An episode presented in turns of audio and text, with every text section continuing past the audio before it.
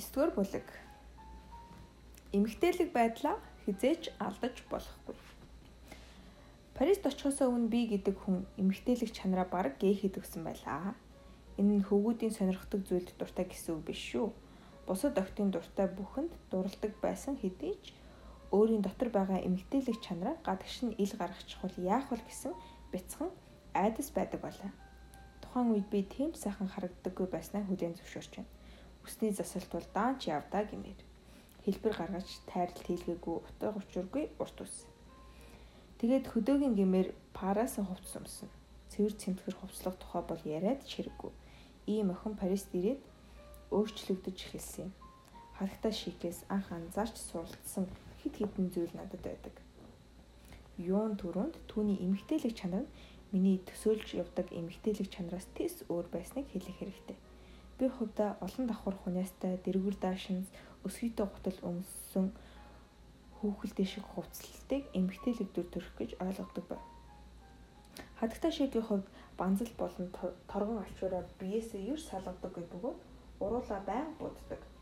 Түүний энэ байдал юу юунаас илүү эмгтээлэг төрхийг бүрдүүлээд байгааг би ойлгосон юм.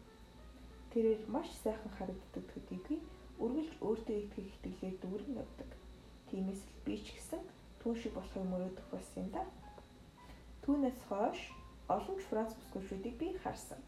Телевизийн нэвтрүүлэгч, дэлгүүрийн худалдагч, зоогийн газрын зөөгч, бизнес хадагтай бага насны хүүхдтэй ээжүүд гээд л тэд цөм эмгтээлэг харагдах өөр өөрийн техниктэй гэж хэлж болно.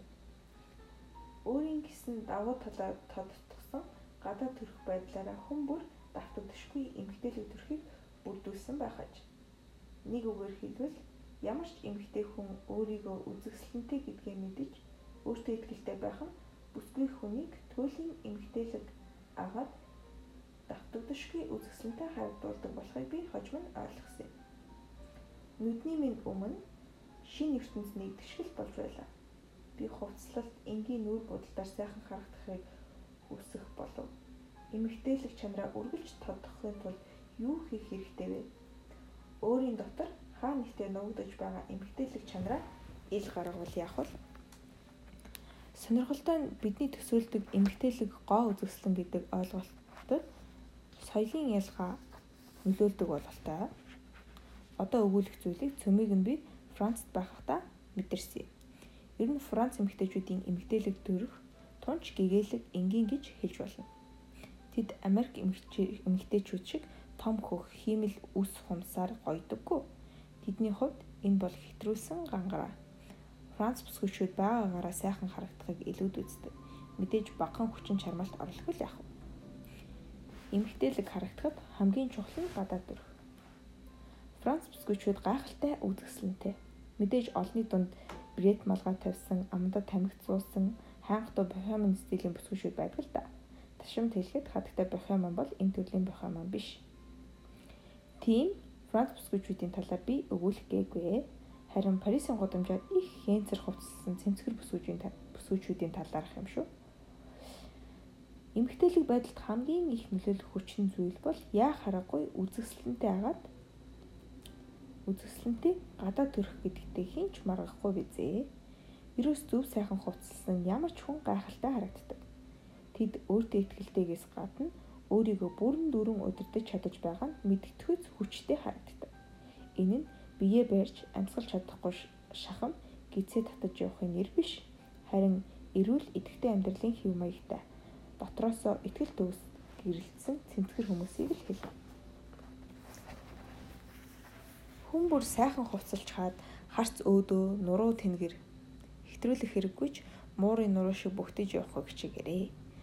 Мөрөө хавчлаггүй алхацгаая гудамжинд бие сайхан авч яваа хүнтэй таарлахаараа таа ч гэсэн өөрийн мэдлгүй нуруугаа тэнэлгэж цэх алхдаггүй гэж үү. Харин би Парис явснаас хойш үргэлж өөрийнхөө бие гадаа төрхөх хянаж явдаг зуршилтай болсон. Нуруу цэх суугаа хүнийг хармагцаа. Нуруу цэх суугаа хүнийг хармагцаа би дагаад суудлаа засдаг. Бие зөв авч явах нь бусдад халдварладаг юм шүү дээ мөн өөрийн эрэхгүй биеэ хямгадаж явмаар санагдах орчин гэж байдаг. Тухайлбал тансаг сайхан тавилга хогшилтой өрөөнд хүн биеэ хамаагүй сул тавьж ялхаатал сууя гэж боддоггүй. хатагтай шийких миний хувьд ийм л орчин байсан юм. Тэдний зочны өрөөнд зүүн Европын тансаг хевс, хуучны тавилгууд, ховор нандин уран зургууд өлгөөтэй байхаагаад дан түшлэгтэй сандал дээр нь тарвалзан хэвдэх боломжгүй. Хүн ер нь үзэсгэлэнтэй юмс дунд байхаараа бие зөв авч явдаг юм шиг санагдсан. Тиймээс та ч гэсэн бие зөв сайхан авч явахаар гэрээ тогтчулж яагаад болохгүй гэж. Гэр дотроо доторхоо илүү чимэглэж засаж янзлан өөрөө үргэлж гой сайхан байхыг хүсэх тийм орчин бүрдүүлж болно. Гэр орон ундуй сундуй байхаар дотор нь байгаа хүн өөрөө ч биеэ сул тавьж замбраагүй болчихдог. Ягаад ч бидний энэ бие орчин тойрноосоо шууд хамааралтай бололтой. Өөрийгөө орчин тойрноосоо хэр хамааралтай байж хэдий хэр өөрчлөгдөж байгаагаа ажиглаад үзэхэд илүүдэхгүй. Жишээ нь Hotel Ritz Paris-ийн хүлээлгийн танхимд байгаа хүн яавч бие сул тавин ялхаж суухгүй гэдэгт итгэлтэй байна. Тиймэрхүү орчинд хүмүүс ихэнхдээ нуруу цэгт цамцааж суудаг. Харин эсэргээрээ хөл толгой нь олдохгүй замбраагүй ойлд очвол яах ихийн зургүй бие зөнд нь хаях болов уу? Гэвч бид үргэлж нуруу тэнгээр харц өдөө явахыг хичээж байвал орчин тойрны хамааралгүйгээр ямагт бие цэгцтэй авч явж сайхан харагдах боломжтой. Нуруу тэнгээр цэх яваа хүний дотоод ирч хүч нь оргилж байдаг. Хэрэг та таагүй байдалд орох юм уу айж чих үедээ нуруугаа тэнэлгээд тэгшлээд үзээр. Инхэн таныг цэгцтэй сайхан бие галбартай харагдуулахаас гадна сэтгэл санаагтай ямагт өөдрөг байлгах болно. Өөрийн гисэн сүрчгтэй болоорой. Би анх 18 настайдаа Францад очиж байсан юм. Аа мань зуны цагаар Канд ажиллаж байсан болохоор би аав ээжтэйгээ тэнд 6-7 хоног амьдарч үлээ. Миний хувьд анх удаа Европт очиж үзсэн мэн тэр тухайн үед яг л эд шидийн оронд ирсэн мэт санагдаж билээ. Францын өмнөд хэсгийн нутаг ямар үзэсгэлэнтэйгэж нүд алдам цэнхэр тэнгисийн нэрийг үзэмжит хүний сэтгэл татах үз. Нүд алдам цэнхэр тэнгисийн эрг хавийн үзэмжид сэтгэл татах татагдахгүй байхын аргагүй. Нэг удаа би гэр бүлээрээ Грасс хот руу бяцхан аялал хийсэн юм. Грасс бол дэлхий дахны үнэртний орн гэж алдаршсан нутаг. Бид сүрчигний үйлдвэрээр явж сүрчиг хийх технологи болон их сүрчгийг бүтээхэд хичнээн олон янзны үнэрний ог холдог тухай мэдэж авсан. Грасс руу явж үзтлээ би сүрчгийн талаар бодож байсангүй. Хаяа нэг ичийнхээ дуртай сүрчигнээс нууцаар хит цацчихдаг байснаас биш өөрийн дуртай гих сүрчиг надад байсангүй. Харин тэр аяллаа ачаар сүрчиг аромогийн ач тусын зах зуухаас мэдэж авснаас хойш энэ сэдв миний сонирхлыг татах болсон юм. Ингээд би ээж аваасаа авдаг халаасны мөнгөө цуглуулж өөрийн гисэн сүрчигтэй болохоор шийдэв. Намайг яг л тэр чигт нь агуулах мөртлөө эмгтээлэг дүр төрхийг минь тодтогох тийм л сүрчгийг би хүсэх болов. Харамсалтай нь цаг хугацаа өнгөрхийн хэрээр миний сүрчигтэй болох хүсэл баг багаар мартагдаж байна. Тэр үедээ би жимсний ялуун үертэй биеийн цэцлэг зэргийг хэрэгэлсэн хэвээр л байсан юм. Хэдэн жилийн дараа Парист хатагтай шийкийн гэрт ирээд би жинхэнэ сүрчиг хэрэглээгүй хэвээр өөрийн дуртай өнрөө олоогүй л явж байлаа. Шикийн гэрт ирээд байхдаа ч би жинхэнэ сүрчиг хэрэглээгүй хэвээрээ өөрийн дуртай өнрөө олоогүй л явж байлаа. Парист ирээд хоёр хацар дээрээ ээлжлэн үнсэлцдэг европчуудын мэдчилгээг би сурсан. Ингиж нүрээ нэг нэгдээ ойр тулах үед би Франц найзуудынхаа түрхсэн сүрчгийг анзаарах болов. Шипер, Орениал, Флорал гэх мэт анхлам цэцэгсийн үнэргээд хүн бүр өөрийн гэсэн үнэртэй байх юм. Парисын гудамжаар алхаж явхад сүрчгийн зар сурталчилгааны самбарууд их харагддаг. Томоохон дэлгүүрийн шилэн хоргоны гол эндэрт үнэртэн сүрчиг хүндлэлтэйгээ заларсан байдаг. Магадгүй Франц Францчууд сүрчгийг үрд хайрлах байх. Одоо харин та бүхнийг гонсоолгох болсондоо хүлцэл өчье.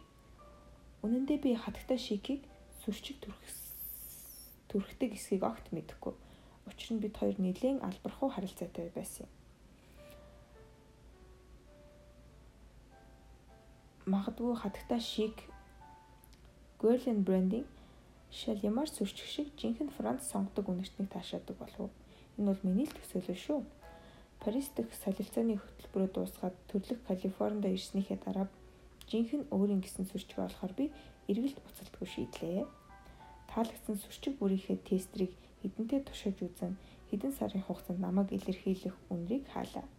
Эцэст нь миний олсон сүрчиг бол Stella McCartney брендинг Stella сүрчиг юм.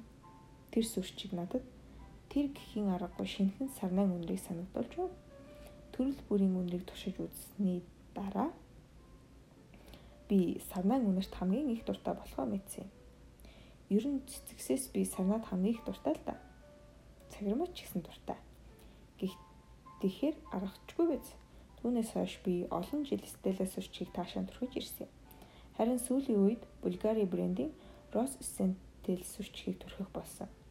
Заримдаа ургаад John Malone Grapefruit Cologne эсвэл Red Rose Cologne сүрчгийг түрхэх тохиолдол бий. Магадгүй энэ ном хэвлэгдэн гарах үед би бас нэгэн өөр өнгөртнийг олсон байх үз. Учир нь би гайхалтай үнрийн ирэл хайгуулаа тасралтгүй үргэлжлүүлэх болсон. Хэрэг та өөрийн гэсэн сүрчгээ хараахан олоогүй байгаа бол эхлээд олон төрлийн сүрчийг туршилж үзэх хэрэгтэй. Юун түрүүнд өөрийгөө өөрийнхөө дуртай үндийг олж мэдээрэй. Мөн томоохон их дэлгүүрийн туршлагатай зөвлөгтөөр очив өөрийн таашаадаг үнрээ хэлж зөвлөгөө авахд илүүдэхгүй. Тэд таны дурлаж болох сүрчиг хэд хэдийг санал болгох төдийгүй цөөн хоногийн туршилтын сүрчийг ч өгж магадгүй. Яаж ч тэвлгүй цаг гарган дуртай сүрчгээ заавал хайж болоорой. Үнэртэн сүрчгийг тань таньж мэдэх ирж хайх энэ ажил ямар цугаатай гэж энэ яг л миний үнэр мөн байна гэж зөнгөөрөө мэдрэх тийм сүрчгээ олбол биеэсээ бүү салга. Бас өнөө хүртэл таашаан хэрэглэж ирсэн сүрчигтэй нь одоо ч таныг илтгэх хэвээр эсхийг хідэн жилдээ нэг удаа эргэн бодож үзхийг зөвлөе. Яг гэвэл хүмүүс бид өөрчлөгддөг Түүнийгээ дагаад бидний дур сонирхолч улам шигшигдэж ирдэг.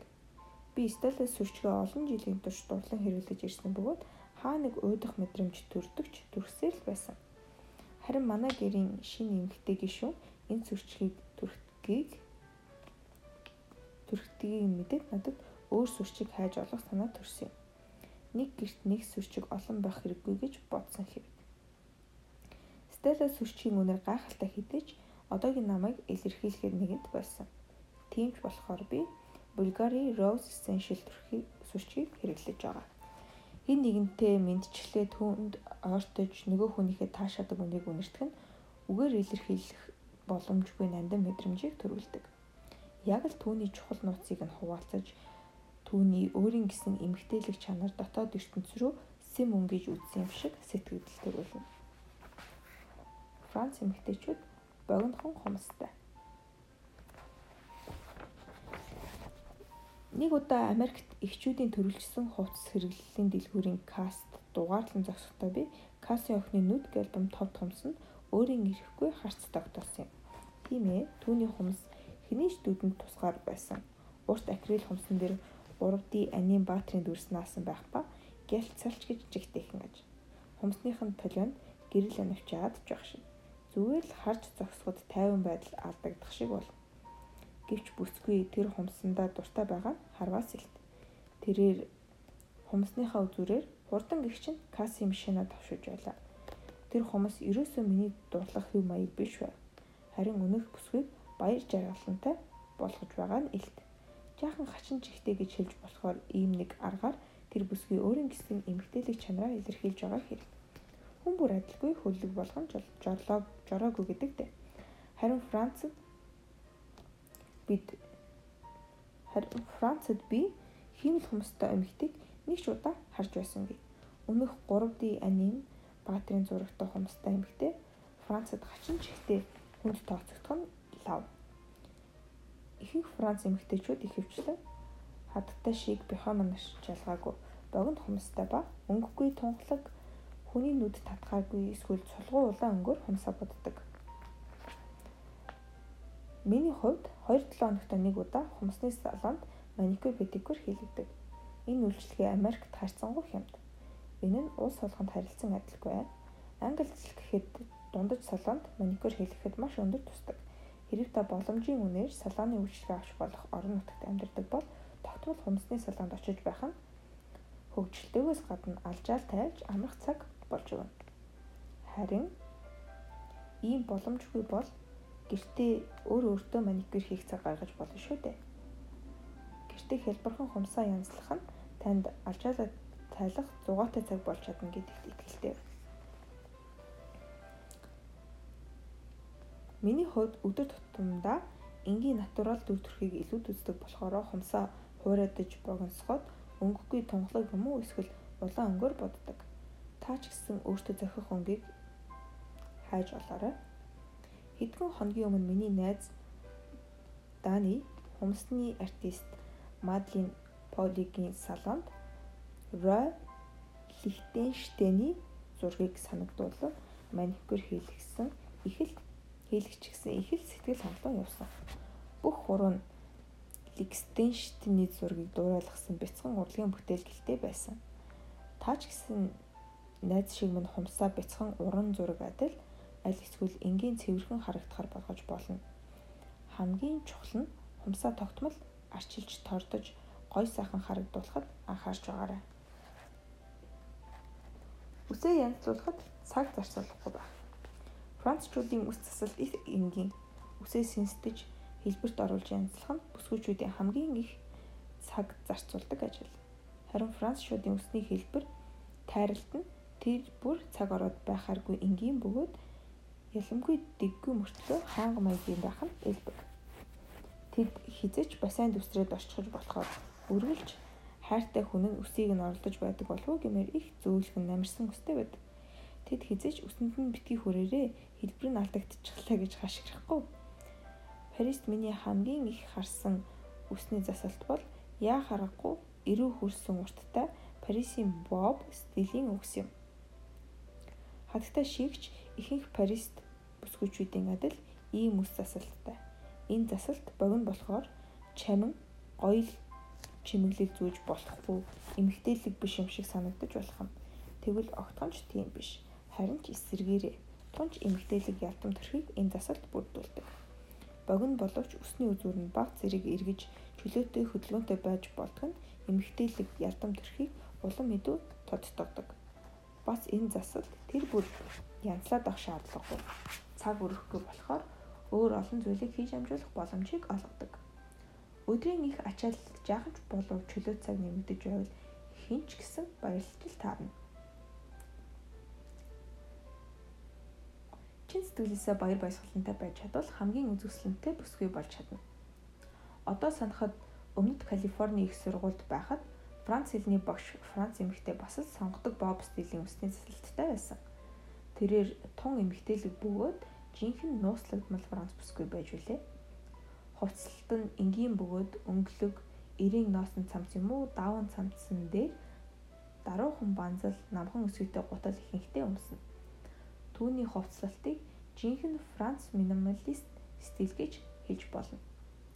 Нүрээ будаагүй юм шиг бүдэг будаж аль болох цөөн аксессуар зүүж энгийн даруухан дэгжирхлэн түүний төрөлхийн шаргал боб тарилжтай үсийг улам бүр тодруулж харагдуулах ба энэ нь бүхэлдээ түүнийг гайхалтай эмгтээлэг үзэсгэлэнтэй харагдуулдаг байсан юм. Гэхдээ Парисын боб засалтын үс хүн бүрт зохиод байдаггүй. Үнийг хэлэхэд би Парисаас буцаж ирээд Парисын бов засалтаар засуулж үзэхээр шийдсэн юм. Миний үс их өтгөн бөгөөд ширхэг бүр нь их ширүүн долгионтой л ба. Ингээд байнга үйлчлүүлдэг үсчэндээ боб тайралтаар тайраад өгөөч гэж хэлэхэд тэрээр шууд л дими байхаа гэсэн юм. Тэгсэн ч би том жүргийн мөртлөө дэгжин Парис маягийн боб засалтаа болохыг маш ихээр хүсэж байсан болохоор яаж ч байсан тайруулна гэж зүтгэсэн л дээ боодсалтай болчихвол үсээ янзлахад цаг зарцуулах хэрэггүй. Мөн миний шин имиж болно гэж найдсан хэрэг. Харамсалтай нь их арзаадаг ширүүн өсөнд минь боодсалт зүгээр л нэг гажиг мөөг үс шиг болж орхихон тэр. Яаж ч харсан сайхан гэж хэлж болохооргүй байлаа. Ингээд л надад боодсалт тохирохгүй гэдг нь батлагдсан да. Гэхдээ хэн нэг нь сонгодог бов тусалтаар тайруулж үзхийг хүсэж байвал заавал туршиж үзхийг зөвлөж байна.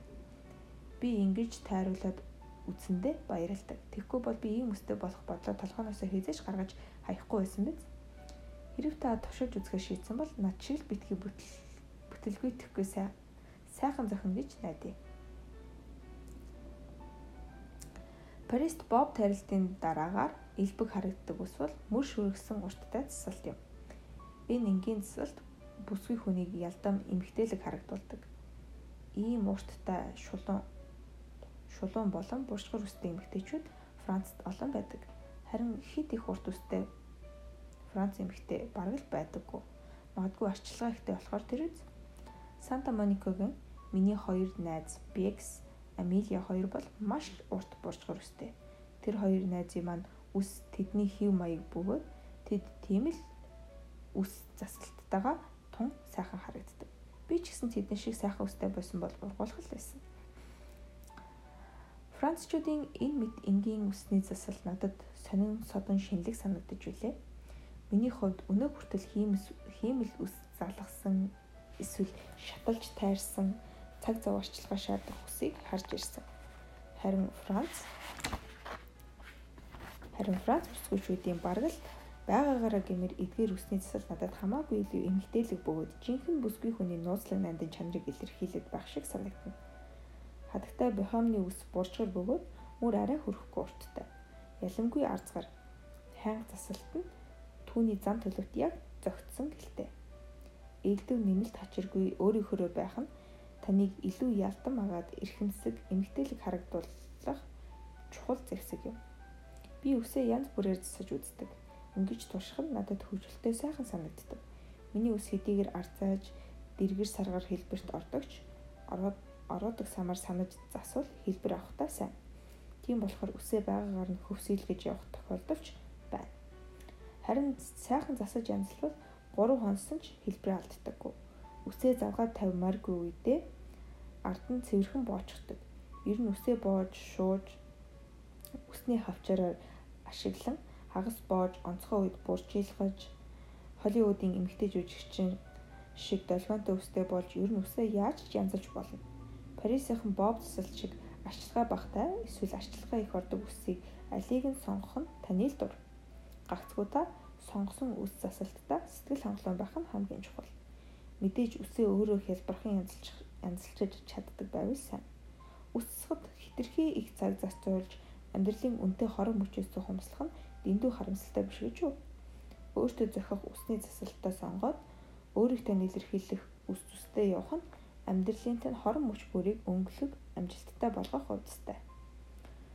Танд зохисон үс таныг хамгийн үзэсгэлэнтэй бүсгүй болгоно гэдэгт итгээрэй танд зохисон үс таныг хамгийн үзэсгэлэнтэй бүсгүй болгоно. Хэтрүүлж болохгүй. Тунг нь тааруул. Францын телевизийн хөтлөгч нарыг хараад би тэдэнд дурлаж орхидог. ТV5 Monde зэрэг Францын телевизийн нэвтрүүлэгч нарыг харвал миний юу хэлэх гээд байгааг та гарцаагүй ойлгоно. Эмэгтэй нэвтрүүлэгч нар нь ямар эмэгтэйлэг гэж тэд цээжээл гаргасан хувцас өмсөж хөл гуяа гаргадаггүй. Лос Анжелес ийм нэвтрүүлэгч зөөнгөө харагддаг. Нүрээ будаагүй мэт хөнгөн будахаагаад үсэн зөөлөн намирсан харагддаг. Минимал энгийн эмэг зүйлд зүйлж эмгтээлэг цэгцтэй хувцлана. Жишээ нь хөх ягаан өнгийн ноолурын цамцсан дээр энгийн нарийнхан алтан гинж зүм чавганы өнгөөр уула бодож үсэн төрөлхийн эрүүл намирсан харагддаг. Зурагтын хөтлөгч хүн бол кинод биш анхаарлыг өөр дээрээ татах үүрэгтэй гол дүр биш шүү дээ. Тэдний үүрэг бол тухайн нэвтрүүлэг буюу мэдээг хүмүүст хүргэх юм. Тиймээс нэвтрүүлэгч хүн даруухан дүр төрхтэй байх нь харин ч тэднийг ихтгэл төрүүлэхүйц хөндлөштэй харагдуулна. Хэтрүүлсэн их гоё чимэглэл нь хүний өөрийнх нь төрлөх гоо зүслэн халахалдаг. Тийм ч болохоор минималист хэв маяг надад илүүтэй таалагддаг. Хит гял цалах хувцлалт, гоёлын үзэсэлт, нён өнгийн нүдний тэн, нүд гэлбэм гоёл чимэглэлээс илүүтэй Төрлөх гоо үзэсгэлэнтэй нь эргэн тойрны хүмүүстэй харахыг илүүд үзэх баг. Хувцсандаа өмсүүлж болохгүй. Хувцсыг өмсөх ёстой. Гэл цэл хувцс чимэглэлтэй байгаад сурчсан хүмүүст жаахан даруй хувцлах төдийд нүцгэн яваад байгаа юм шиг санагдаж магадгүй л дээ. Гэсэн ч будалдаа илүү бүдгэрүүлж үсээ энгийн язалж жижигхэн цэвэрхэн гоёл чимэглэл зөвл танд л байгаа гоо зүслэн бусдад илүү тодор харагдах болно. Ингэснээр гарт баригдаж нүдэнд үзэгдэхгүй таны өөрийн гэсэн эмгтээлэг чанар ил гарч ирэх билээ. Нүдэнд үзэгдэж гарт баригдахгүй эмгтээлэг чанар. Энэ хүртэл нүдэнд харагдах эмгтээлэг гадаад төрөх байдлын тухай өгүүлсэн. Тэгвэл бидний бас нэгэн мэдэх ёстой зүйл бол нүдэнд харагддаггүй эмгтээлэг чанарын тухай ойлголт юм. Өөртөө ихтэй байдал, хошин шогийн мэдрэмж, сониуч дэггүй зам зэрэг нь эмгтэй хүнийг илтгэж байдаг бөгөөд бусдыг татах ер бусын хүчийг өгдөг гэж хэлж болно. Үнтэй солооноор үйлчлүүлж, дээд зэрэглэлийн хувцас өмсөн, humсаа гой сайхан болгож болно. Гол нь тэдгээр нь танд зогсон байх учиртай. Үгүй бол тэд цөм ямар ч хэрэггүй зүйлс болно. Парист байхдаа би өөрийгөө давуу талаа бүрэн ил гаргаж чаддаггүй аимхай хулчхар болж байгаагаа анх анзаарч хоошид бодол санаагаа зэгцэлж хэрэггүй олон бодлоо хайж өөрийгөө чөлөөлөх хэрэгтэй болсноо ухаарсан юм. Наад зах нь л гэхэд би үсээ задгаа тавилгүй ихэнхдээ хоош нь боож явдаг байлаа. Мөн миний өвлийн хүрэн байсан миний өвлийн хүрэн баваас нь том болохоор биеийн газрыг би минь сайхан харагдуулдаггүй байв удамжинд сайхан залуутай тааралдвал аим хагаасаа болоод би нүдрүү их царч чаддаггүй байсан. Нүүрэн дээр юм гардаг асуудалтай байснаасаа болоод би өдрийн цагаар хүнтэй ойрхоноос юм ярьж чаддаггүй байлаа. Энэ мэт элдэв шалдаг шалтгаанаас болоод би үзэсгэлэнтэй бүсгүй болохгүй байгаагаа анзаарсан юм. Нэгэн сайхан өдөр би Парисын 11 дэх гудамжны метроны буудлаас сургуулаа чиглэн алхаж явлаа. Үсээ эргүүлж янзлаад саяхан Printemps их дэлгүүрээс худалдан авсан урал өнгөлөгчөө төрхөн үүнээс хойш өөрийгөө нууж явах болъё гэж шийдээд итгэл төвс алхаж явлаа. Ийм шийдэнгүй байхад хөлбөнд хүртэл гайхмар хөнгөрсөн санагдаж байна. Алхам алхмаар урагшлах тоолнд нүрээд нуусан тороо таягдан хаяж буй мэт мэдрэмж төрнө. Яг энэ үед нэг сайхан залуу замын нөгөө талд гэрлэн тохион дээр зогсож байна. Тэр залуутай би харц тулгарлаа. Би ч шийдэмгийн алхангаа өнөх залуу руу инээмсэглэн яг зүрх мөчид алхаагаа удаашруулан бараг зогсож шахаад түүнтэй ширтэлцсэн юм. Түлхэх мэд түүний харц над дээр тусахад игээтэл цаг хугацаа их шин зүр зогссон мэт санагдана. Тэгээд тэр залуу над руу харан зөөлөн инээмсэглээ. Чин сэтгэлээсээ та гайхалтай харагдаж байна гэж хэлсэн. Харин би юу ч хэлэлгүй инээмсэглэн алхаж илээ. Миний сэтгэл ямар нэг хүлээс торнд уйдлахгүйгээр урсан гарч байгаад би хязгааргүй их жаргалтай байсан юм. Учир нь тэр сайхан залуу надад өөрийнхөө сэтгэлийг нээн хэлж зүрхэлсэнд туйлын ихээр баярлаж хөлмөн газар хөрөхгүй дүүлэн нисэн. Товчхондоо өөрийгөө яавал сайхан харагдах болохоо мэдэж аваад үргэлж биеэ цэмцгэр авч явахад хангалттай төрөл бүрийн үнэртсэн сүрчгийг туршиж үзэн өөрт тохирох нэг үнэртнийг сонгох. Эсвэл таалагдсан үнэртнээсээ хэд хэдийг сонгож аваарай. Сүрчиг бол амьдралд өнгө нэмэх гайхалтай эд шидтэй зүйл болохоор энэ сонголт танд таалагдана гэдэгт итгэлтэй байна. Хумсаа хуурайдан янзлах юм уу эсвэл маникюр хийлгсэн ч болно. Гол нь арчлахгүй зөнд нь хойж болохгүй. Эрүүл намирсан зөв тайралттай үс таныг юу юунаас илүү үзэсгэлэнтэй харагдуулна. Өөртөө ихтэй байдал. Хошин шогийн мэдрэмж, сониуч зам буюу нүдэнд харагдахгүй эмгтээлэг чанар хамгийн чухал нь. Та эдгээр чанарыг хэрхэвч биесээ салгаж болохгүй.